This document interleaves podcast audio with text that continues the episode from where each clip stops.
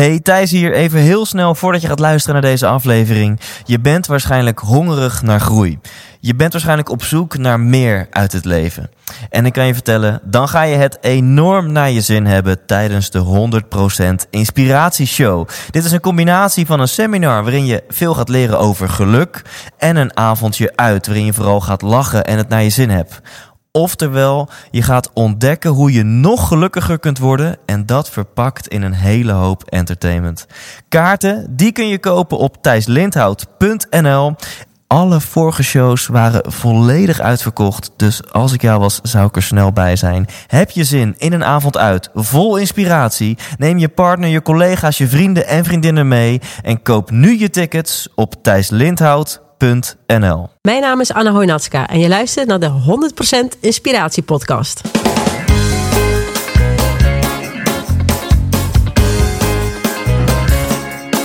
Hey, wat goed dat je luistert. Hij staat weer voor je klaar. Je wekelijkse dosis inspiratie is weer daar.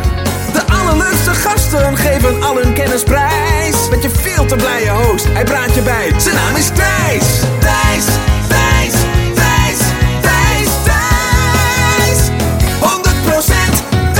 Ja, welkom, welkom, welkom bij aflevering 33 van deze podcast. Ik heb voor jou klaarstaan een interview met Anna Hoy-Naska. En zij is onder andere oprichter van de 1% Club. En dat is eh, zo'n beetje het platform in Nederland voor goede doelen. En ehm, dan wil ik nu graag even een, een linkje ook maken naar ons eigen goede doel. Dat doe ik samen met mijn goede vriend Sydney Brouwer. En dat heet Rocking Up Christmas. En wat wij doen is elk jaar met kerst maken wij gezinnen blij met een luxe kerstpakket. En dat zijn gezinnen die een moeilijk jaar achter de rug hebben gehad, die afhankelijk zijn van de voedselbank. En eh, met een groot team vrijwilligers en door een groot aantal sponsoren eh, gaan wij dit jaar 120 gezinnen, dus meer dan 500 mensen gaan wij blij maken. En ons grote doel is om naar 2000 gezinnen in 2020 te gaan. Nou, waarom zeg ik dit allemaal? Wij geven een benefietavondje. En dat is op eh, dinsdagavond 6 december in Hilversum. Kaarten zijn eh, 50 piek. En wat krijg je daarvoor? Zowel Sydney als ik gaan daar onze beste inzichten met jou delen. Ik eh, krijg drie kwartier spreektijd om met jou te delen. Wat zijn nou de 10 grootste inzichten van mij uh, uh, in de, de, de nou, acht maanden dat ik nu deze podcast doe. Dus uit die 33 interviews, wat zijn mijn 10 grootste inzichten? En Sydney gaat daar nog eens overheen met zijn drie grootste leiderschapsinzichten, persoonlijk leiderschapsinzichten aan de hand van zijn persoonlijke levensverhaal. En Sydney en ik zijn allebei, nou ja, dus ook spreker van beroepen. We doen vaak lezingen en ik zelf natuurlijk ook een theatershow. Sydney geeft ook veel workshops en, en seminars voor bedrijven. En ik, ja, ik kan je wel verklappen, we gaan extreem veel waarde leveren. De waarde die wij gaan leveren, dat is veel meer waard dan 50 piek. Dus eigenlijk slaat dit nergens op. Dit is een buitenkansje. En uh, ik hoop dat je, daar, uh, dat je daarbij wilt zijn. Dinsdagavond 6 december. We hebben helaas nog geen online aanmeldpagina. Mail even naar thijs.thijslindhout.nl En dan uh, zorg ik ervoor dat je op de lijst staat. Gewoon even in het onderwerpveld. Ja, ik ben erbij of zo. Thijs.thijslindhout.nl 50 piek. We hebben slechts 50 plekken. First come, first serve. Dus mail me eventjes en dan, uh, dan ben je daarbij. Dan terug naar Anna. Anna is, um, dat vind ik heel mooi, door het maandblad Opzij is zij uitgeroepen tot de uh, top 100 meest machtige vrouwen van Nederland. Nou, dat vind ik cool. Um, en zij heeft een enorme, enorme passie voor goed doen. Voor de wereld een stukje mooier maken. Dat hoor je natuurlijk heel vaak. Nou, bij Anna, zij weet het echt naar het volgende level te tillen. Um, waar gaan we het over hebben in het interview? Onder andere, hoe kan je nou een balans vinden tussen werken aan jezelf en werken aan de wereld om je heen? En last but not least, je krijgt wat tips voor mini-vergaderingen. Heb je dat? Vergaderingen van een half uur, uur, anderhalf uur, twee uur. Uh, Anna heeft uh, uh, een nieuw iets, dat heet microvergaderingen in het leven geroepen binnen haar organisatie. Vergaderingen van drie minuten. Nou, als dat geen cliffhanger is om het interview af te luisteren, dan weet ik het ook niet meer. Um, ga ervoor zitten. Hier is Anna Hoi Naska. 100% wijs! Oké, okay, lieve mensen, tegenover mij zit Anna Hoi Naska. Zeg ik goed nou, toch? Ja, ja. helemaal goed. En um, ja, ik wil echt super veel dingen aan jou vragen. Dingen over uh, de Kilimanjaro, jouw boekkunde die je hebt geschreven, jouw stichting, je, je, je TED Talks. Echt genoeg om het over te hebben. Maar om eens even te beginnen bij het begin. Wat wil jij worden als je later groot bent? Uh, wereldverbeteraar. ja, Dat vind ik een altijd al. mooie. eh, Ja. En is dit wat je, dit antwoordje nu, is het ook iets wat jij eh, zou antwoorden als ik die vraag eh 30 jaar geleden aan jou zou stellen? Ja, ja, 100% zeker. Ik wilde altijd eh, of een mensenrechtenadvocaat worden, of een schrijfster, of dingen opruimen, terwijl ik geen opruimer ben. Dus En ehm, wat, wat betekende dat voor jou toen je jong was, wereldverbeteraar? Want ik, de meeste kindjes zeggen misschien astronaut of, of eh, juffrouw of eh, danseres, weet je wel? Dus ik ben heel benieuwd wat, wat een, Ja. een, een, eh, zeven, achtjarige Anna dan, dan voor zich zag bij wereldverbeteraar worden. ja, dat is wel grappig, want ik weet nog dat ik met mijn vader aan de keukentafel zat en ik was echt zes of zeven of zo, heel, heel jong. En ik weet nog precies omdat het in een huis was waar we op ons achtste weer weggingen. Ehm, en ik, eh, ik zag heel veel troepen bij ons in de straat liggen. En eh, ik vroeg aan, ik zeg tegen mijn vader van, ga gewoon een club oprichten die elke dag de stad opruimt. En, en mijn vader die zei ook gewoon, ja, ja oké, hoe, hoe ga je dat aanpakken en hoe ga je dat doen? En eh, dat soort dingen. Dus Ja. Echt, eh, en ehm, ja, weet je wat? Voor de mensen die jou niet kennen, vind ik wel leuk om even te vragen. Stel, eh, jij staat eh, aan de bar, eh, in een bar, iets wat je natuurlijk wekelijks doet. Met je, met je drukke leven. zeker. Ja, en eh, daar ontmoet je iemand en die vraagt: Hey, eh, hoe heet je nou? Ik heet Anna. En wat doe je nou? En dan moet je eigenlijk aan die vreemdeling in drie minuutjes uitleggen wat je eigenlijk doet. Ehm, wat zou je dan antwoorden? Ja, ik zou zeggen, ehm, ik ben een van de oprichters van de 1% Club. En dat is een platform dat je kan gebruiken om zoveel mogelijk mensen te mobiliseren om bij te dragen aan datgene wat jij belangrijk vindt. Eh, waarvan jij vindt dat het nu moet gebeuren omdat het eh, een heel groot probleem in de wereld oplost. En concreet zijn dat, eh, het is een online platform, mensen die iets voor elkaar willen krijgen. bijvoorbeeld iets willen opruimen of een, een kliniek in een ander land willen opzetten. Of een schaakschool voor kinderen in je eigen achtertuin. Die gebruiken ons platform om geld en mensen te vinden om dat project uit te voeren.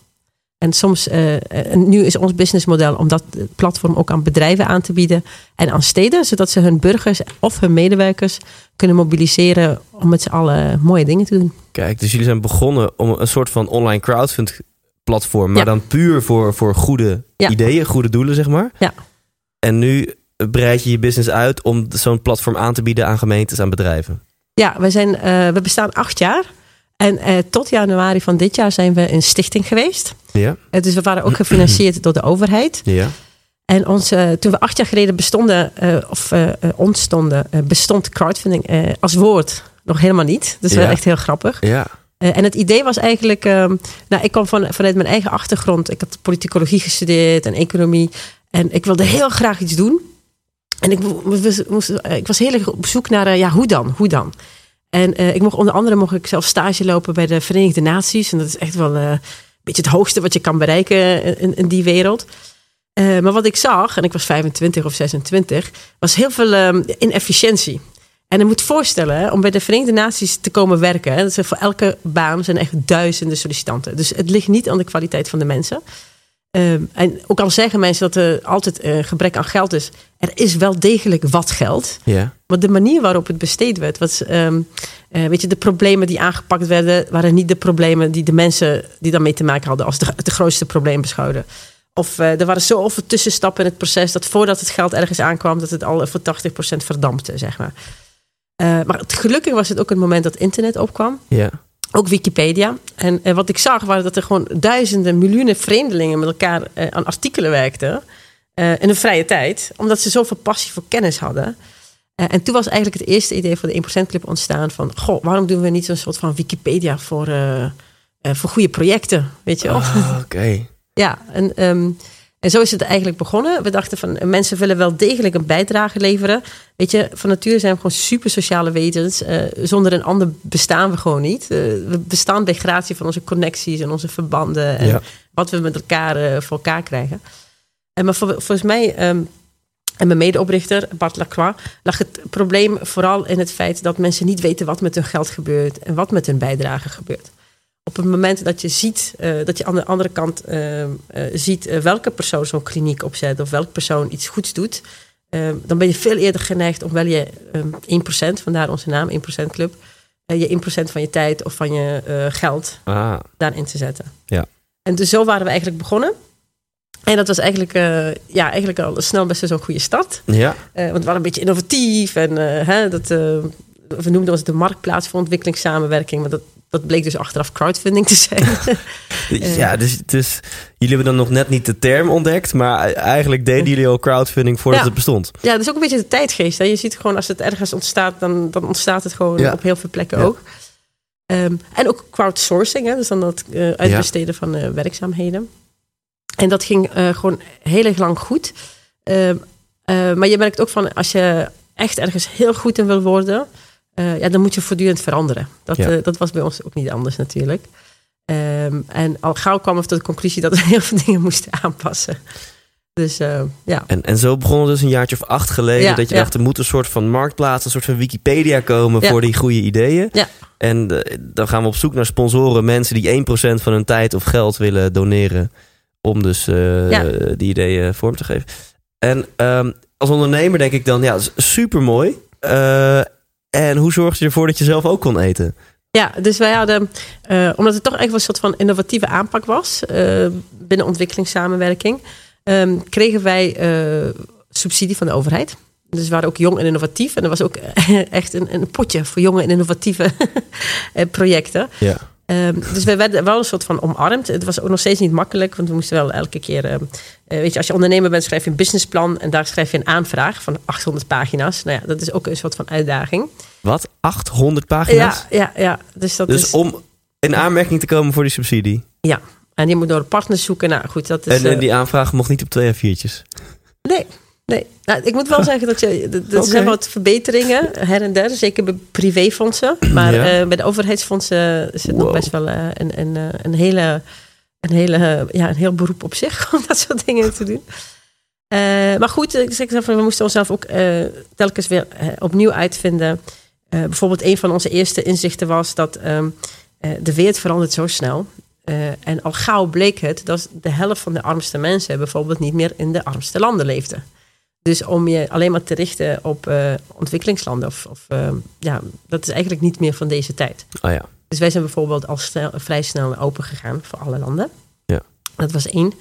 Ehm, en op een gegeven moment kwamen we ook tot de conclusie, omdat wij merkten dat alle projecten die bij ons eh, online kwamen en die het heel goed deden, die hadden allemaal een heel sterk zelfvoorzienend component. Dus precies wat jij vraagt van, ja, maar hoe kwamen jullie aan je geld? Dat was de vraag die we altijd stelden aan alle projecten. Ja.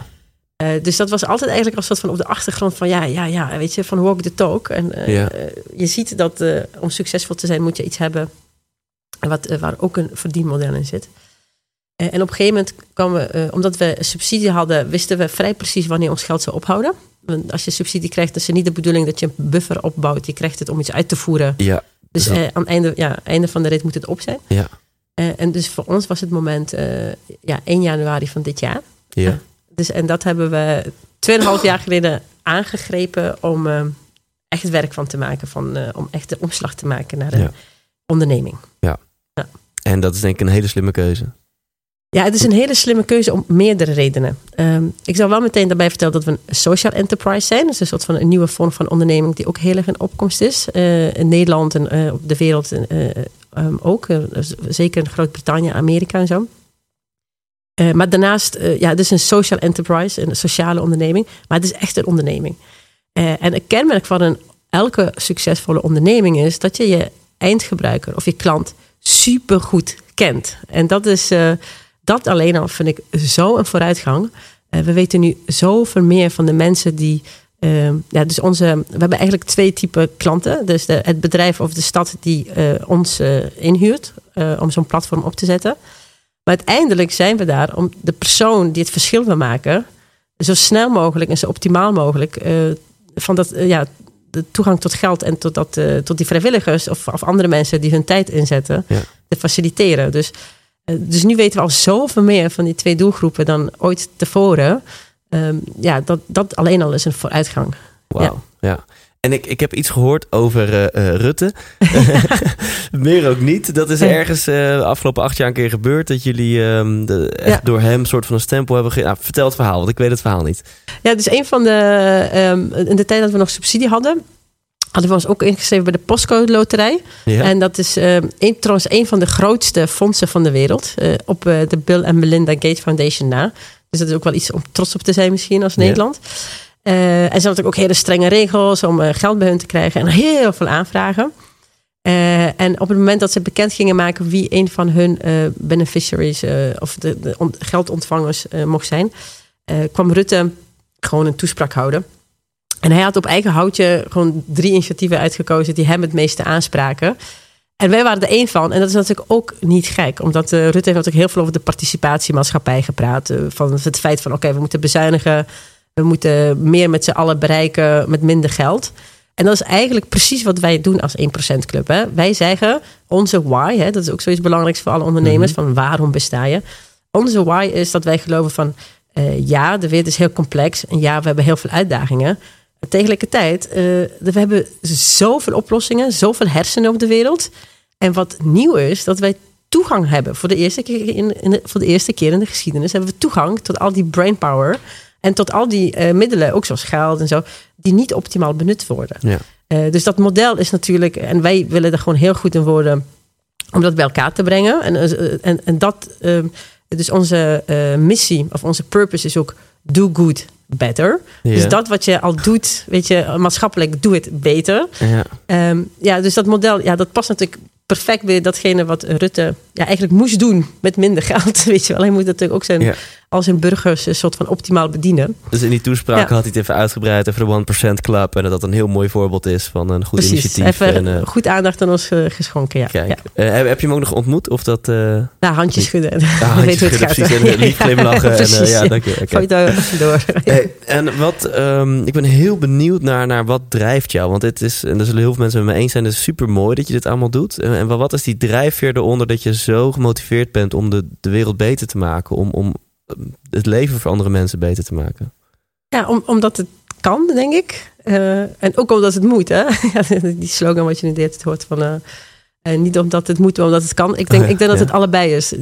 Omdat het moet en omdat het kan. Ja. Ehm, ja, moed is gewoon dat... eh, ik denk dat maar heel weinig mensen echt gewoon heel relaxed aan de televisie kijken... als je die vluchtelingenstroom voorbij Mhm. ziet komen. Hè? En eh, het wordt nu bijna niet meer getoond, maar het is niet weg. Het, het wordt alleen maar erger. En, eh, Ja. Of niet erger, maar dat is niet iets wat weggaat. Hè? Dat is... iets waar we gewoon heel veel mee te maken blijven krijgen de komende tijd. Ehm, dus dat is het moet. En, en het kan, is dat, ja, dit is niet alleen maar van, weet je, als ik weer een beetje tijd over heb, dan ga ik iets maatschappelijks doen. Ehm, ik denk dat je dat een soort van echt eh, heel erg in je kern moet doen. Hè? Dat zie je ook dat heel veel bedrijven dat doen. Hè? Dat is een purpose-driven gaan worden. Ehm, weet je, dus, dus alleen maar als het op je veiligheid gaat, weet je. je. Je kan alleen maar je veiligheid garanderen als de mensen om je heen het goed hebben. Weet je, als je honger hebt, ga je rare dingen doen. Hè? Dat, dat ga jij Ja. doen, dat ga ik doen, dat, dat Ja. gaan we allemaal doen. Dus gewoon eh, gezond boerenverstand. Weet je, zorg dat iedereen ook goed kan eten en toegang heeft tot dingen. Ehm, dat is gewoon, eh, weet je, om iets te vermijden. Maar de tweede is, weet je, we kunnen zoveel, we kunnen, weet je, we zijn net begonnen. Weet je, als je kijkt wat er nu allemaal voor spannende dingen gebeurt, gebeuren, weet je, van met z'n allen kunnen we echt ervoor zorgen dat we zonder ons levensstandaard eh, te verliezen, wel goed voor onze aarde kunnen zorgen. En, en, ehm, en wat ik het leukste vind, is dat dat ehm, een paar jaar geleden, toen ik nog soort van eh, idealistisch was, was ik een soort van best wel alleen en had je Greenpeace en geitenwolle sokken. Nu is het gewoon eh, de Silicon Valley en Tesla. En eh, ja. nu is het gewoon super. Ja, weet je, elke innovatie is bijna duurzaam. Ja. Tenminste, alle innovaties die ik zie, misschien is dat niet helemaal eh, Representatief. representatief. Maar- Maar, maar alle, ja. is per definitie duurzaam. Want het maakt iets, je doet iets meer met minder. Of je lost een probleem op. Of dit. Dus het is gewoon een hele, ja, hele energievolle, coole wereld waar je gewoon bij wil horen. En daarvoor hebben we gewoon alle mensen nodig. Weet Ja. je? Dat, dat doe je niet terwijl 99% niet meedoet. Dat, eh, Ja, ik, ik zie ook hoeveel energie je ervan krijgt. Dat is echt super leuk om te zien. Heb je misschien een, een, een tip of een, een, een vraag of zo aan andere mensen vanuit jouw drijfveer eh, om ook meer goed te doen? Ehm, nou ja, dat is misschien. ehm, het eerste wat me te binnen schiet is dat. ehm, eh, dat je merkt. We hebben best wel veel eh, neiging om. ehm, eh, heel erg in onszelf te investeren. En dat is, dat is supergoed, hè? Want juist omdat de wereld zo complex is, moet je gewoon. ehm, ja, gewoon goed wortelen en goed weten waar je voor staat. Ja. En dat is, dat is gewoon heel belangrijk. Maar ik denk een deel van de uitdagingen waar mensen tegenaan lopen, is dat ze uiteindelijk de connectie kwijtraken. En dat klinkt heel erg dubbel, want je bent natuurlijk alleen maar connected, hè, 24/7. Eh, maar uiteindelijk moet je echt ergens bij horen, ergens onderdeel van zijn. Ehm, en en ik, ik zie gewoon op het moment dat je je wel inzet. ehm, eh, en misschien soms ook op een hele suffe manier in je eigen buurt, weet je wel. Dan wordt de- ja, je con- hele connectie met daarmee wordt groter. Ja. En met andere mensen, of je nou eh, ver weg of dichtbij doet. Je merkt steeds meer dat je gewoon ergens onderdeel van bent. En ik denk dat dat ja, ook voor jezelf, hè, we kunnen het vertellen dat het moet voor de wereld en voor de ander. Maar dat voor jezelf is het net zo belangrijk als, ehm, als voor de ander. Want eh, hè, je moet jezelf niet verliezen. En het is ook één manier Ja. om. eh, Dus een soort van balans vinden tussen, Ja. dat zijn geloof ik heel mooi, werk aan jezelf, zoals yoga en mediteren, maar ook de, de wereld niet vergeten. precies. En dat is indirect misschien ook werk aan jezelf. Ja, want het is wel grappig. Want ze zeggen van bij yoga van oh, het begint als je van de yogamat afgaat. Ja, Maar ergens blijven te veel mensen op die yogamat zitten. ja. Maar dat is lekker veilig en dan kan je lekker. eh, en dat is ook goed, hè? Dat is de basis. Maar uiteindelijk moet je dat wat je daar leert juist gebruiken ehm, in de wereld waar je gewoon heel veel weerstand krijgt en heel erg meegesleurd wordt alle kanten op. Weet je, daar, ehm, Ja. daar ben je juist nodig. Ja, Dus- jij kent als geen ander, denk ik, het genot van geven. Het genot van als je iets moois creëert met andere mensen. Ehm, heel veel mensen die nu luisteren denken, nou ja, misschien hè, wil ik, is het een gebiedje in mijn leven waar ik wel aan kan werken. Ik ben lekker bezig met mijn carrière, met mijn relatie, met mijn gezondheid. Ja. Maar dat gebiedje contributie, iets geven, dat, dat, dat heeft misschien wat verbetering nodig. Voor die mensen die dus wel wel mogelijk een heel druk leven hebben en die op zoek zijn naar concrete handvatten van hoe dan heb je daar iets, eh, heb je iets te zeggen tegen die groep mensen. Eh, nou ja, weet je, ik, het, het kan klein, het kan groot. Hè? Dat, ehm, vaak, eh, wat je, eh, ik denk dat iedereen, ontkom je bijna niet aan, wel vijf of zes keer per dag gevraagd wordt door vrienden via Facebook of van stem op mij, doe dit, doe neer, et cetera. Ja. Mijn advies zou zijn, ja, doe het, weet je. Want kijk, die persoon die jou dat vraagt, die heeft gewoon echt al tien keer nee gehoord, hè. Dat zie ik ook de mensen die bij ons een campagne beginnen. Het eerste wat er gebeurt is dat 90% van je vrienden gewoon niet meedoet. Ja. Eh, en uiteindelijk wel, hè, dat hebben we ook allemaal eh, van. de ja, het, het is part Ja. of the game. Hè, Ja, dat, je denkt, oh, mijn vrienden in de pocket. en vervolgens kom je erachter, oh, 90% doet Precies, mee. ja. want, en, eh, en dat is normaal, weet je wel. Eh, maar als je dat omdraait, dus elke keer als ze wel ja horen, weet je wel, dat is dan zo'n boost en zo'n ehm, eh, zo'n motivatie voor die mensen. Hè? Dus dat is iets wat je heel klein kan doen. Eh, de mensen die nu zeg maar, dat op een iets grotere schaal of iets meer de tijd daarin steken, door die alleen maar te ondersteunen, maak je echt een heel groot verschil voor ze. Ja. Ja. Tof. Ehm, ik vind het leuk om het eh, ehm, ook even te hebben over eh, wat op je website heel groot staat. Van, dat je was gediagnosticeerd met MS en dat je de Kilimanjaro hebt beklommen. En daar heb je een boek over geschreven. Ja. Nou ja, eh, ik zeg nu in één zin een aantal dingen dat mensen denken, wow, oké, eh, Ja. elaborate. Dus kan, kan je hier eens wat over vertellen? Ehm, Ja, dat is de oh, website ja. van mijn boek, ja. Ja. Dus niet op de 1% Oh, oké. Club site. Nee, nee, nee. Oh ja, ja. Maar laat dat duidelijk zijn. Dat was precies. persoonlijke belangrijk, website. belangrijk eh, verschil. Ja. En ja, dat kwam ook inderdaad omdat het boek ook dit jaar verscheen. Dus dat is nog, ehm, en nog de, ja, de website van het boek. Ehm, ja, dat klopt. En dat is, ehm, eh, ja, dat is eh, het verhaal wat ook een beetje op de achtergrond heeft gespeeld. Bij eh, nou, al die spannende dingen met de 1% Club en zo. Ehm, eh, ik had zes jaar geleden of zo inderdaad de diagnose MS gekregen. En dat was ook op een heel ongelukkig moment. Ja, waarmee ik niet wil zeggen dat, dat het wel een heel mooi moment is om dat soort dingen te horen. Eh, maar omdat we net eh, met de 1% Club begonnen waren. Ik was eh, net zwanger van mijn tweede kindje, weet je wel. En, en alles ging eigenlijk supergoed. En dan eh, eh, ga je op één dag naar je werk en dan, ja, dan stort alles in. Nee. Eh, dus ik had in mijn geval, ik kreeg last van mijn ogen. En eh, eh, ik, ik, had heel, ik, ik zag opeens heel raar. En toen, eh, door, eh, toevallig was mijn man thuis, die heeft me opgehaald. En zijn nou uiteindelijk naar het ziekenhuis gegaan. En dezelfde dag hoorde ik dat ik MS had. Terwijl ik geen idee had wat het was. Nooit van gehoord. Ja, wel eens van gehoord, maar, eh, Mhm. eh, maar ja, niet echt dat het mijn soort van bewustzijn echt bestond. Het, is, het is een aandoening waarbij je zenuwen aangetast worden. Dus je kan je zicht kwijtraken. Of je kan misschien niet meer lopen. Of niet meer slikken. Nou, dat soort dingen. Het is een beetje een soort van loterij. Eh, nou ja, dat was dus, zoals ik al zei, heel, eh, niet echt iets waar ik op zat te wachten en zo. Ja, en, en, en wat ook nog zo is, dat ze niet echt iets daartegen hebben. Dat was ook nog iets. Maar wel een soort van zware medicatie, maar die, ehm, die, ja, die is niet heel erg. eh, ja, die kan je helpen, maar waarschijnlijk niet. Het zeg maar. voorkomt die dingen die je net noemde, kan het niet Ja. voorkomen. Precies, dus dat, dat, eh, dat was een beetje de, de uitslag. En ja, en daar moet je iets mee. Dus, eh, maar dat hoort ook een beetje met eh, ja, ondernemerschap en het leven is eigenlijk niet zo verschillend. Want eh, er komt altijd iets op je pad, ook als ondernemer, waar je gewoon niet op zit te wachten. Dat, dat, is, dat is een zekerheid. Als er één ding zeker is, is dat het wel. Dus ja, toen, toen, dus, al vrij snel maakte ik een vrij moeilijk besluit om niet aan die medicatie te gaan. En dat had ook te maken met het feit Wow. dat het. Ja, dat het ook. Ik had me heel veel ingelezen. Dat is natuurlijk ook zo'n kenmerk van deze tijd. Hè. Gaan naar dokter Google en, Ja. eh, en daar kan je van alles over vinden. Maar dat is gewoon wat mensen doen, weet je wel. Dus, eh, dus ik vind ook dat. eh, ehm, eh, en en op, op een gegeven moment. ehm, eh, dat is ook iets wat ik in mijn boek beschrijf. Is. Eh, ehm, ik noem het de kathedraal en de bazaar. Dus je hebt de inst- instituties zoals de medische stand. En, en daarbuiten heb je de bazaar, eh, zoals Google met allemaal patiënten Ja, ja, ja. kwakzalvers, et cetera, et cetera. Ja. Eh, maar voor de hedendaagse mensen is allebei belangrijk. Weet je wel? Dus, eh, dus in dat boek heb ik naast mijn persoonlijke geschiedenis ook een oproep van eh, breng dat bij elkaar.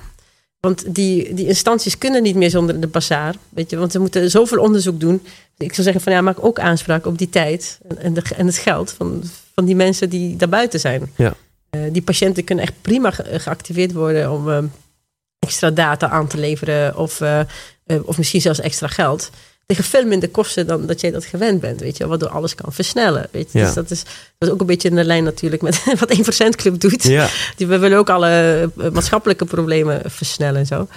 Ehm, maar goed, op, dat, op die dag was ik natuurlijk nog niet zo heel erg van... oh, wat een leuk concept. Nee. Ik heb een mes, laten Joh. we eens een keertje... Laat ik dit als een ondernemer bekijken Ja, en er iets moois van maken. Ja. Nee, dus dat was, dat was op het moment zeker niet het geval. En ehm, het eerste jaar na zoiets is dat natuurlijk ja, het ergste. Want je weet helemaal niet wat je moet verwachten, et cetera. En, eh, eh, en op een gegeven moment... ehm, op, ja, dus als je niet aan die medicatie zit... ga je toch nog op andere manieren zoeken... hoe je je eh, leven kan optimaliseren. En op een gegeven moment zag ik tijdens TEDx Amsterdam... zag ik Wim Hof op het podium, de Iceman. En het mooie was dat hij daar niet alleen stond... maar hij stond daar met een wetenschapper van de Radboud Universiteit. Dus toen dacht ik van, hé, hey, de bazaar en de kathedraal op één podium. Wat ja, oh ja, interessant, ja, weet je wel. Want je wil natuurlijk wel van alles uitproberen, maar het is ook wel een beetje leuk als je een beetje houvast hebt. En niet, eh, Mhm. eh, want eh, in de wereld van experimentele therapie heb je van bijen steken, lood verwijderen, nou echt de meest vage dingen heb je. Dus het is wel goed om daar iets. dus het is fijn als een wetenschapper naast Ja, precies. Ja. Ja. En, en Wim Hof, de Iceman, heeft 26 wereldrecords. onder andere een paar voor het langst zitten in een ijsbak en, en nog meer. Maar wat hij, eh, dus hij kan heel veel interessante dingen vertellen. Maar wat mij op dat moment eh, aansprak, was dat hij zei dat hij zijn eigen auto-immuunsysteem kon beïnvloeden. En van MS wordt altijd gedacht dat het een eh auto-immuunziekte is. En zelfs dat is niet zeker, maar dat wordt nu als een soort van eh, hoofdgedachte aangehouden. Ja. Dus ik dacht van nou, ja, als, als, als dat echt kan, ja, dan, dan moet ik misschien ook in zo'n bak met ijs gaan zitten. Ook al is het niet van hart en zo.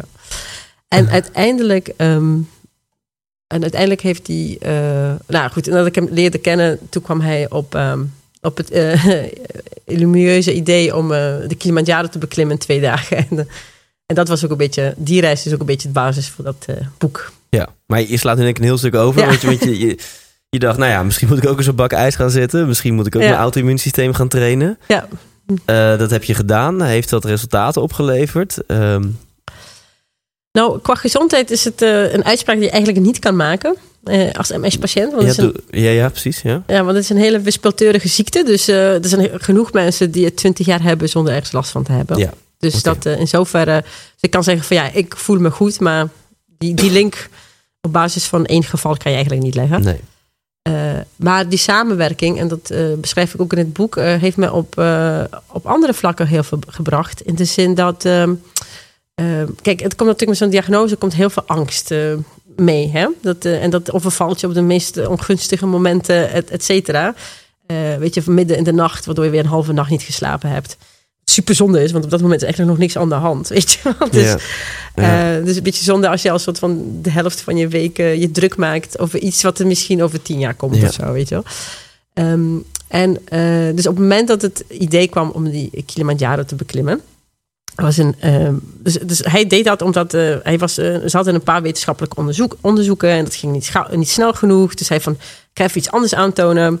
En dat is dat je de Kilimanjaro heel snel kan beklimmen. En dat is ehm, op zich heel gevaarlijk, want het is een hele hoge berg, 6000 meter. En daarom moet je het langzaam doen en acclimatiseren. En als je het niet doet, heb je kans op hoogteziekte. Waardoor je of je hersenen kunnen zwellen of je krijgt long in je, vocht in je longen. En dat wil je allebei niet hebben. Dan kan je ook allebei aan dood gaan. Ja. Uh, dus uh, daarom doen de meeste mensen dat zeven dagen over. Ja. Dus, uh, en hoe korter je het doet, hoe meer kans je hebt. Dus ja. als je twee dagen doet, dan is het helemaal gestoord. Dan krijg je ook allemaal waarschuwingen van de, van de Koninklijke Klimvereniging. En allemaal artsen die zeiden van je bent totaal gestoord. Uiteindelijk gingen we de groep van 25 op het moment dat je zo'n reis aangaat, er komt ook heel veel angst bij te kijken. Hè? Ja. Enerzijds weet ik van, oké, ik ken zijn ademhalingsoefeningen, ik weet wat hij doet, ik weet wat hij met mij doet. Dus ik heb een soort van, hè, ik doe niet zomaar. Maar anderzijds, ja, dat is toch, het blijft iets heel erg onverstandigs. Ja. Uh, en, en wat hij met ijs doet, is eigenlijk wat ik toen heel veel op angst heb toegepast. Hè? Want hij zegt van als je op het moment dat je die kou ervaart, dan hebben heel veel mensen de neiging om zich af te sluiten. En daardoor ga je heel veel uh, bibberen. Ja, schouders, en, kramp, nek. Ja. En hij zegt van ontspan je, laat het binnen. En daar kan je er pas mee werken, weet je wel. Dan moet je ook nog niet helemaal passief mee aan de slag gaan. Maar uh, hij zegt van nou, kou is je warme vriend. En uh, goed, hij heeft dan technieken wat je daarmee kan doen. En eigenlijk moet je met angst hetzelfde doen. Weet je, je op het moment ja. dat je dat voelt, moet je gewoon ontspannen en laat het gewoon binnenkomen. Het gaat niet weg. maar op het moment dat je daar dat van, oh ja, oké, okay, het is er weer. En uh, dan, dus angst dan, ja, misschien niet je warme vriend of zo. Dus een soort van iets wat, ja, waar je een soort van aan gewend raakt. En wat niet meer zo'n controle op jou heeft. Ja. Um, en door die Kilimanjaro-beklimming aan te gaan, um, ben ik dat gewoon aangegaan. Weet je, ik heb het gewoon opgezocht. En op het moment dat je die angst actief opzoekt, uh, ja, then you are in charge, weet je wel. Dus dat Ja. is wel een soort van makkelijk Ja, om vet. daarmee te dealen. Ja. Ik vind het echt super inspirerend. En ik, ik las laatst in een boek ook iets over van hoe haal je nou adem voordat je iets leuks gaat doen. Misschien voordat je seks gaat hebben of voordat je, weet ik, veel, voordat je het podium op moet, voordat je iets leuks gaat doen. En dan zei hij van ja, eh, en eh, wat, wat gebeurt er op het moment dat je, dat je angst voelt of dat je stress voelt? En ga nou Ja. eens dan ademhalen alsof je iets leuks gaat doen. En als je Ja. dat een minuutje doet, dan voel je Ja. al eh, dat, dat, dat, dat, het- dat het helemaal veranderd is. Ja. Slim. En ehm, nee, je, je geeft aan natuurlijk moeilijk te zeggen of het resultaat oplevert. Maar ja, de, de symptomen die je toen die ene dag had, eh, dat je ineens slecht begon te zien en eh, dat soort dingen. Ja. Ik voel je zit hartstikke helder en scherp eh, en vrolijk voor me. Nee, ik denk niet dus- dat ik één dag werk hierdoor gemist heb, Nee, bijvoorbeeld of precies. zo. En natuurlijk ook wel eens griep gehad of zo, weet je, dat soort dingen. Ja. Ehm, nee, dus so far so good. Dus ik kan wel zeggen dat het psychisch heel veel heeft opgeleverd. En dat heeft natuurlijk ook weer invloed op je Ja. fysiek. Maar ja. Ja, die andere uitspraken wil ik gewoon niet doen. Want dat leidt een beetje af van, eh, de Ja. boodschap. Ja, dat snap ik. Ja. En ehm, eh, ik heb van tevoren aan jou gevraagd van waar we het over hebben. En ik heb hier een kort lijstje, een speakbriefje voor mijn neus liggen. En een van de dingen die ik heb opgeschreven is... eh, mensen zijn op heel veel vlakken hetzelfde. ja, zeker. Eh, kun je dat eens even toelichten? Ehm, nou, wat, eh, het, kwam, dat punt kwam ook aan eh, toen je vroeg van... eh, goh, eh, vertel eens iets over je leven, hè? Het voorbereidende gesprek. En toen hadden we dan met Polen. En ehm, dus een van de dingen die heel veel impact op mijn leven heeft gehad... is dat ik eh, eh, in 89 samen met mijn moeder naar Nederland ben gekomen.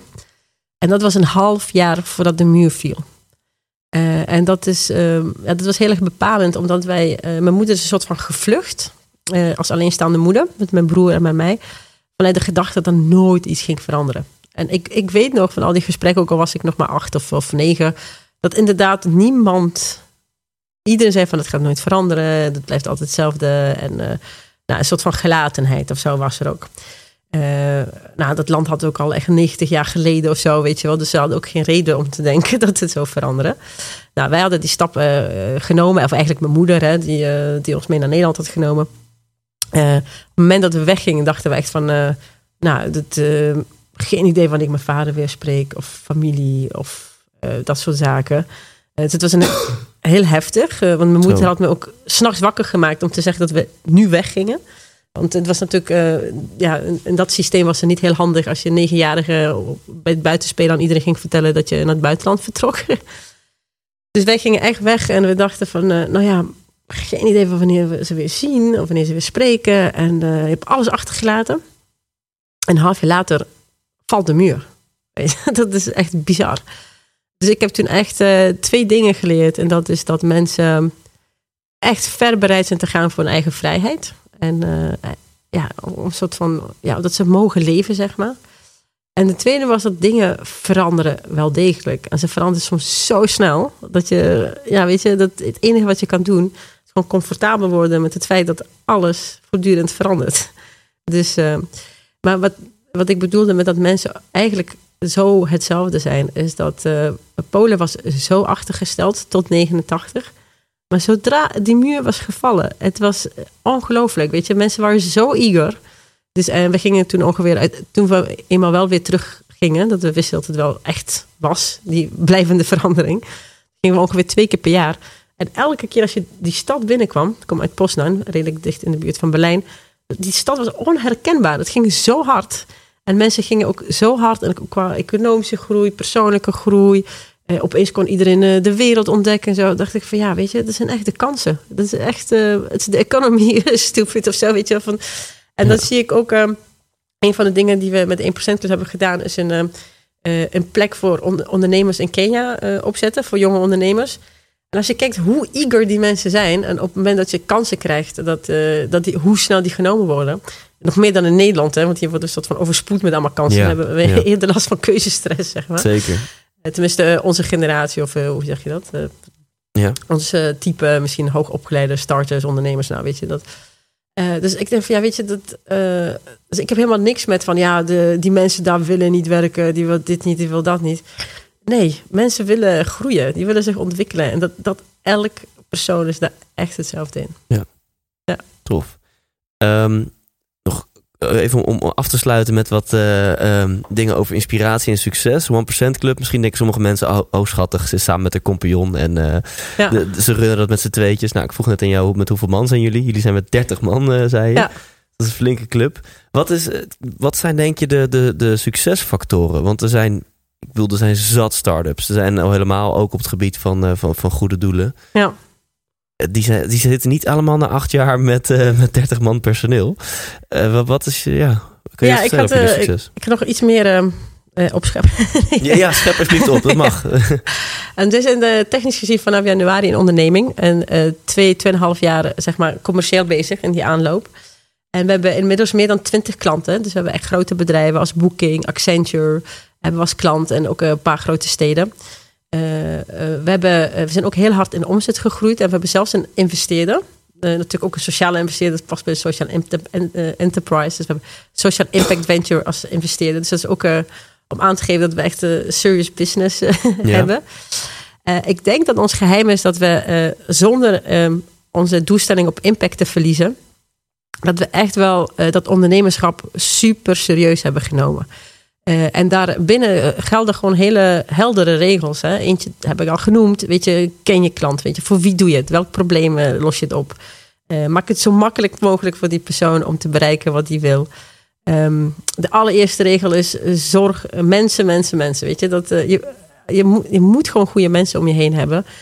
al was het alleen maar dat goede mensen werken graag met goede mensen. Weet je wel? Ja. Dus als je, de, de snelste manier om goede mensen te verliezen is om ze te omringen met uh, uh, slechte mensen, Ja, zeg maar. ja. Weet je. Uh, dus, uh, dus dat zijn ook eh, hele belangrijke dingen. Ja, en, en een stukje discipline komt er ook echt bij te kijken. Herhaling, weet je. Dit, mijn grootste inzicht van de afgelopen jaren is... ja, misschien echt een super open deur, maar... Het is niet genoeg om af en toe op de hei te gaan, een super inspirerende sessie te hebben. Ja, je moet echt een plan hebben. En het is niet zo dat we nooit een plan hebben gehad. Maar daar worden we echt zoveel beter in de laatste tijd. Om echt alles in de gaten te houden. Weet je, wat, uh, waar zijn we wel op het goede pad, waar niet. En uh, meteen actie ondernemen. Ja. Ja. Ja, tof. Hier krijg ik echt energie van. Dat doet me denken aan wat je net zei toen we hier uh, naar boven liepen, zeg maar. Um, over microvergaderingen. We gaan echt van hot naar her het interview, Ja, maar fuck ja, it, ja. ik vind het leuk. Uh, dat vond ik mega inspirerend. En ik wilde eigenlijk na dit interview er wat uh, over vragen. Maar nu toch de, de rekknop nog aanstaat. Kun je er wat over vertellen? Je noemde iets van vijf year goals terugwerken naar, uh, nou, uiteindelijk vergaderingen van drie minuten. De, Ja. ik, ik ben een, een en een oor. ja, dat is echt life-changing voor mij. Ook, ik hoop ook voor, voor ons bedrijf als geheel. Ehm, dus wat we altijd al wel deden was van eh, vooruitkijken, een grote missie. Eh, dus eh, het is gewoon heel belangrijk voor je om te weten als bedrijf van wat is je unieke kwaliteit. Hè? En da- da- daar kun je achter komen door te kijken van waar ligt je passie als bedrijf. waar lig je skills? Waar kan je het beste van de wereld worden? Of, of misschien de beste van je provincie als dat je, je speelveld is. En waar, wat is je economic engine? Dus waar verdien je geld mee? Ja. Zeg maar, daar komt uit wat je unieke kwaliteit is. En dus eh, wij willen van eh, do good better. Eh, wij, wij bieden platforms aan waar je gewoon al die projecten kan verzamelen. En gewoon heel goed kan monitoren wat je, wat je mensen dat doen. En nou, we verdienen nog zo geld mee ja, met het platform. Ehm, dus dat is onze lange termijn doelstelling. Dus wij willen dat in 2030, ehm, door middel van onze Do Good platforms, het leven wordt verbeterd van 1 miljard mensen. Dat is nogal een doelstelling. dus, eh, eh, maar we worden er niet zenuwachtig van, want we hebben een soort van teruggerekend. Van Ja. oké, als we dan 2030 willen zijn, wat zijn onze prioriteiten voor de komende vijf jaar, eh, drie jaar en, ehm, eh, en uiteindelijk het komende kwartaal. En het leuke is dat in het boek staat nog van prioriteiten van drie tot vijf jaar. Ja, die vijf jaar strepen ze eigenlijk al door. Omdat, Ja. het, omdat de wereld zo snel verandert. Van, je moet gewoon echt zo kort mogelijk Ja. weten wat je moet doen. En die kwartaal wordt dan weer eh, vertaald van oké, maand en dit. En uiteindelijk eindig je met je directe team. Met de daily huddle. Want is inderdaad die microvergadering waar je het Ja. over had. En dan moet je gewoon eh, zo vroeg mogelijk op de dag met elkaar gesproken hebben. En in drie minuten moet je helder hebben van wat is je prioriteit? Wat is je metric van de dag? En dat is voor, voor elk persoon anders. Wat bedoel je met metric? Ja, dus bijvoorbeeld als je op de salesafdeling zit, dan is je metric misschien Oh. het aantal klanten die je moet bellen. Ja. En, eh, maar ja, het, Ja. Het, het helder krijgen Dus, van die dus aan de metrics. hand van welk getal kan je zeg maar echt kwantitatief checken of je vandaag productief gaat zijn? Ja. Of, eh, ja. Ja, en dat is ook, eh nou, dan moeten drie langzame hebben. Bijvoorbeeld de customer satisfaction. Die een beetje, ja, je gaat niet elke dag aan je klant vragen van, en nu, en nu. Weet je? Ja, uur geleden zijn 8,4, maar nu? Precies. Dus dan heb je wat, wat langzame KPI's, maar je hebt ook wat snellere. Weet je, of dat aantal telefoontjes per dag is misschien een sneller. Of, nou goed. En een derde vraag is van, eh, waar loop je tegenaan, weet je wel? En als Mhm. mensen zeggen van nergens tegenaan, dan zeg je van, nou, dan ben je niet goed bezig, weet je wel? Als je echt ergens mee bezig bent, dan heb je echt wel een uitdaging. Ja, ergens. ja, ja. En dan ben je binnen drie minuten mee klaar. Dus op die manier kun je op best wel veel eh, schaakborden tegelijkertijd eh, zitten. En, en om negen uur ben je een soort van helder. wat, je, wat jij moet doen op die dag, maar ook wat, wat je moet bijdragen op die dag. Zodat iedereen om je heen ook weer verder kan. En ik, ik vind dat zo- zo- zo'n eh, toevoeging aan mijn leven. Dat, Tof. Nou, echt, Ja. eh, als mensen uit mijn bedrijf, eh, de CO2-adviseurs, als jullie luisteren, dit gaan we doen, jongens. oh, dat vind ik heel tof. Dus je zegt, eh, je moet een ultimate vision hebben, wat voor jullie een bescheiden visie is van een miljard mensen hun leven drastisch positief veranderen in 2030. Precies, ja. Dus zijn de, de impact unicorn. Hè? Dus de normale unicorn wil een, een miljard omzet hebben. En Ah, wij hebben de impact unicorn willen positief invloed hebben. op en dat, oh, dat noem je, je je Big Fat Harry Goal of zo, hoe heet het ook weer? Big. Hairy Audacious Goal, de Die- En die is van? Eh, oorspronkelijk volgens mij van Good to Great Oh ja. eh, van Jim Collins. Ja. En eh, nu, nu volgen we methode de Scaling Up van Vern Harnish. Ja. En die, eh, die heeft dat als zijn basis. Dat boek eigenlijk. ligt op mijn fucking nachtkastje. Nou, dat, eh, het universum eh, wijst naar mij van gast. Oké, dus je hebt, je hebt dat, dat, dat, dat grote harige Ja. goal.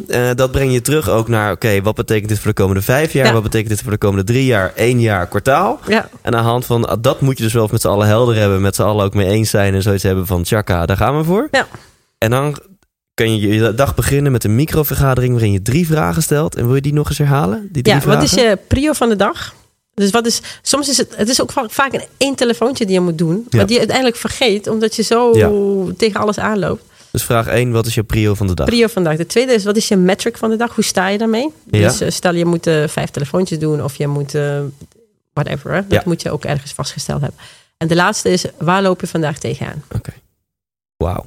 Vet. Dan gaan we naar het onderspot gedeelte, als je het oké vindt. ja, helemaal goed. Ehm, ik heb je al zenuwachtig gemaakt. Dat is niet onterecht, want dit is eh, spanning en sensatie, dit gedeelte. Neem een slok van je, van je koffie.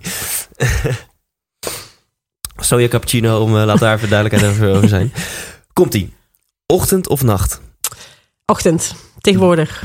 Bestuurder, geen keus met drie kinderen. Bestuurder of passagier?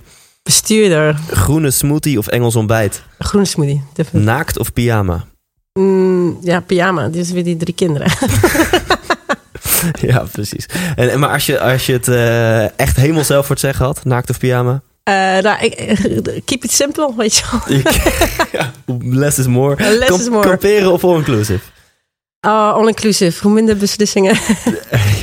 Klassieke muziek of death metal? Ehm, klassiek. Nooit meer seks of nooit meer muziek? Ja, ja, toch muziek dan weglaten, want Ja. anders ben ik mijn man kwijt. Precies. oh, goed, mooi antwoord. Hutje op de hei of herenhuis aan de gracht? Eh, hutje op dij. Wilde tijger of een Russische dwerghamster? Een tijger, hamsters, dat... Dan heb je niet zoveel. Eh, Malediven of IJsland? IJsland. Met Wim Hof. Yes. Thuis koken of uit eten? Mm, uit eten. Basic fit of personal trainer? Ehm, personal trainer. Maandagochtend yoga of vrijdagmiddag borrel? En, en... of, vrijdagmiddag yoga, maandagochtend borrel kan ook. Ja, allebei. Ja, allebei. Risico's nemen of op veilig spelen? Nou ja, risico natuurlijk. Geld maakt gelukkig of geld maakt ongelukkig? Mm, geld maakt gelukkig. Als je, je wordt echt ongelukkig als je niet hebt. Ja, Ja, dus misschien zeg je geen geld maakt ongelukkig. ja dat is zeker. Richard Branson of Steve Jobs? Richard Branson. Justin Timberlake of Justin Bieber? Oh my god.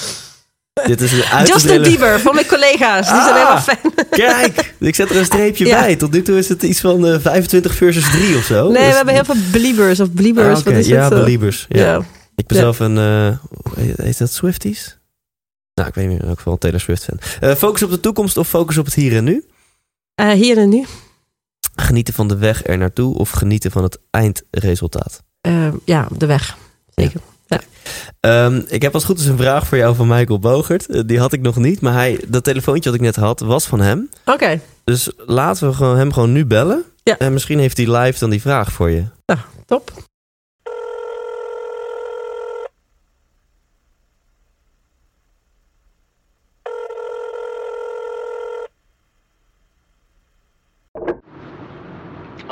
Michael Bogert hier. Ehm, wat ik mij afvraag, eh, sinds jij de diagnose MS hebt, eh, hebt gekregen en daarna een, eh, ja, in, in, in- een proces terecht bent gekomen, veel hebt meegemaakt. wat ik me afvraag, is daarna jouw kijk op het leven veranderd? En als dat zo is, zou je me daar een, een mooi voorbeeld van kunnen geven? Of een situatie kunnen schetsen? Ehm, ik denk dat wat er veranderd is, dat ik heel veel dingen wel soort van in theorie wist. Hè? Dat eh, geniet van hier en nu en eh, eh, laat angst niet je leven beheersen, et cetera. Dat zijn dingen die, die elk mens wel eens zich voorneemt om te- zo te leven. En ik denk dat MS me vooral heeft gedwongen om dat echt allemaal te doen. Want, ja, op, op, op, opeens was die noodzaak veel groter om alles toe te passen. En, Ja. en, en nog, nog meer eruit te halen wat erin zit. Ja. En dat is eh, niet altijd door meer te doen, maar juist door meer ruimte te scheppen. Ja. Ja. Heel Dus, vet. Dus om meer je angsten te overwinnen, om meer te doen, meer te genieten van elke Ja. dag. Ja, dus al die dingen waarvan je, die je wel eens roept dat je zo in het leven staat, maar dan, ja, weet je, van, en, nu, Ja. en nu moet het ook echt. Ja, Ja. dus waarbij heel veel mensen het misschien wel herkennen van dat ze zeggen, eh, ja, ik wil ooit nog eens, puntje, Ja. puntje, puntje. En of het nou een vakantie is of een business beginnen of wat dan ook. Ja, precies. En dat blijft, ik wil ooit nog eens. En jij bij dat soort gedachten sneller zoiets van, ja, maar hallo, kom op. dat gaan we gewoon eens even doen. Ja, ja nee, dus dat ik, eh, weet je, heel veel dingen zeg je van, als je zegt wat is het belangrijkste in je leven, zeg je misschien familie, maar als je dan kijkt eh, hoe je daar in je dagelijks leven mee omgaat, eh, dan blijkt dat je dat eh, toch even met meer aandacht kan doen of, of met meer rust of zo, weet je wel. Ja. Eh, dus dat, dat heeft me opgeleverd van, ja, weet je. Tof. Dit Ja. vind ik inspirerend. Dit soort Ja. dingen zetten mij ook weer aan het nadenken. Ik hoop de luisteraars ook. Volgende week heb ik Bart van den Belt. de, de coach voor ZZP'ers. Onder andere door zijn seminars en trainingen. Ja. Aan jou de eer om hem een vraag te stellen. Ja, ik, ik was heel erg benieuwd, wat maakt hij makkelijker voor zijn ZZP'ers? Nou Bart, ik vind het een leuke. Is er nog een vraag, Anna, die ik jou had moeten stellen, maar niet heb gedaan? Oei, dat eh, weet ik niet. Wil je nog ergens promotie voor doen? Eh, nou, eh, jij hebt natuurlijk ook een project op de 1% Club site. Nou, wat leuk dat je het zegt. Dat klopt. En eh, nou, eh, misschien wil je daar zelf iets over vertellen. Ja, dat zal ik sowieso ook, Oh ja. ook in de outro doen, maar ehm on the spot. Ja, dat is Rocking Up Christmas. Daar heb ik al Ja. vaak wat over verteld. En sowieso tof dat dat op jullie site mag staan. En we waren zelfs top drie van, van de maand laatst, geloof Precies. ik. Waardoor we ook nog een bonusje van jullie kregen. Ja. En eh, dat houdt in dat we met kerst willen we ook wat goeds doen. En dat doen wij in de vorm van mensen die een moeilijk jaar achter de rug hebben gehad. Denk aan mensen die afhankelijk zijn van de voedselbank. Maar we krijgen ook soms mailtjes van mensen die zelfs met een verhaal aangeven dat ze bijvoorbeeld in een garage Ja. hebben geleefd. Dat gewoon die dingen dat je denkt. Daar sta je niet vaak bij stil, maar ook in Nederland zijn er mensen die het echt heel zwaar Ja. hebben en die dat niet altijd aan zichzelf te wijten hebben. Dat kan ook gewoon ongeluk of pech zijn. En wij gaan eh, bij die gezinnen eh, langs om ze te verrassen met een super luxe kerstpakket. En behalve dat die mensen dan eh, kunnen genieten van een luxe kerst zoals wij ook daarvan kunnen Ja. genieten, zit er een diepere gedachte achter en willen we zoveel mogelijk mensen inspireren. Doe goede dingen. Eh, dus zowel voor onze vrijwilligers is het, kan het best wel een, een life-changing moment zijn om langs Ja. te gaan bij die deuren en mensen echt van I'm only the messenger, weet je, bedank mij niet, maar hier is dat, dat voedselpakket en, en dan gewoon de, de glimlachen eh, van die mensen en die kinderen te zien. Maar er zit ook een briefje in. Dit is van een anonieme opdrachtgever. En eh, de vraag is of als je zelf ooit in de gelegenheid bent, geef dit voort. Doe ook Ja. wat goeds voor andere mensen in je omgeving. En dat is eigenlijk onze gedachte. Van als je in de gelegenheid bent, besteed die 1% van je geld, van je, van je tijd En- aan... eh, En wat ik echt super tof vind, is dat het een, een luxe kerstpakket is, weet je. En niet een of andere doos met allemaal eh zooi die je zelf ook niet zou kopen bij de Aldi, bij wijze van spreken. Maar echt iets wat je zelf zou willen hebben op je eigen kersttafel. ja, En dat, eh, ja, Ja. Dan, dan zie je die persoon ook eh, als dat je zelf had, als, je, als dat je had, graag had gezien dat mensen naar jou kijken. ja, precies. Echt tof. Ja, tof. Leuke Ja. aanvulling. Het zijn inderdaad gewoon luxe dingen die ze niet krijgen bij de voedselbank, zeg maar. Gewoon echt wat goed, ja. Ehm, en daar zoeken we dus eh, sponsoren voor. We zitten nu geloof ik ongeveer op de 7.500 euro. We zijn er nog niet. We hebben minimaal Ja. 10 nodig en we hebben vrijwilligers nodig. Dus als je dit hoort, check sowieso even de 1% Club en check dan ook meteen de Rocking Up Christmas campagne. Heel cool. Dankjewel Anna. Box. 100% Yes, bedankt dat je ook weer deze aflevering hebt afgeluisterd. En blijf nog even bij me. Blijf nog even bij me, want ik heb nog twee belangrijke mededelingen met je te doen. Allereerste, wil je meer van Anna? Dat kan. Zij heeft twee boeken geschreven. Eh, Het boek De Polster, dat is een eh, roman. En het boek Kilimanjaro als medicijn. Wat een bijzonder eh, interessant en inspirerend boek is. Beide zijn te bestellen via bol.com. En een linkje vind je ook in de omschrijving van deze podcast. Dan, last but not least. Rocking Up Christmas 2016. Onze benefietavond op dinsdag 6 december. Ik geef je nog eventjes drie redenen om hier naartoe te gaan. Zit je er klaar voor? Blijf nog even luisteren. Check. Reden nummer 1. 100% van die 50 piek gaat naar ons goede doel. Dus het is niet zo dat Sydney en ik een fee pakken of dat de zaal een fee pakt. Alles is gesponsord en 100% van die 50 piek gaat naar het goede doel. Reden 2. Je gaat daar ontzettend veel leuke mensen ontmoeten. Daar zitten mensen, net zoals jij, die het leuk vinden om goed te doen. Die het ook leuk vinden om aan zichzelf te werken. Dus ik weet zeker dat we met 50 bijzonder inspirerende, positieve, leuke mensen daar zijn. En eh, tot slot, reden nummer 3. Sydney en ik schijnen nogal een leuke podiumdynamiek samen te hebben. Ehm, wil je daar wat van meepikken? Check dan ook vooral zomerspecial nummer 4 van deze podcast. Want daar interview ik Sydney. Wij hebben samen vele uren ook op het podium gestaan. Vroeger toen wij begonnen aan onze spreekcarrière. Dus dat lijkt me drie redenen om, eh, om gewoon nu een mailtje te sturen naar thijs.thijslindhout.nl En eh, first come, first serve, dames en heren. Slechts 50 kaarten. Ehm, dit is geen grapje. Ik denk echt dat ze heel snel verkocht zijn. Dus eh, mail thijs.thijslindhout.nl, dan ben je erbij. Hopelijk tot dan en hopelijk ook tot volgende week. Ik interview dan Bart van den Belt. Ik wens jou een hele fijne dag en leef intens. Hey, wat leuk dat je hebt geluisterd naar deze aflevering. En als je het nog niet hebt gedaan, waar wacht je nog op? Ga nu naar thijslindhout.nl en koop je tickets voor de 100% Inspiratieshow. We gaan lachen, we gaan muziek maken en vooral gaan we samen op zoek naar geluk en succes. Neem je vrienden, je vriendinnen, je partner, je collega's mee. Koop nu je tickets op thijslindhout.nl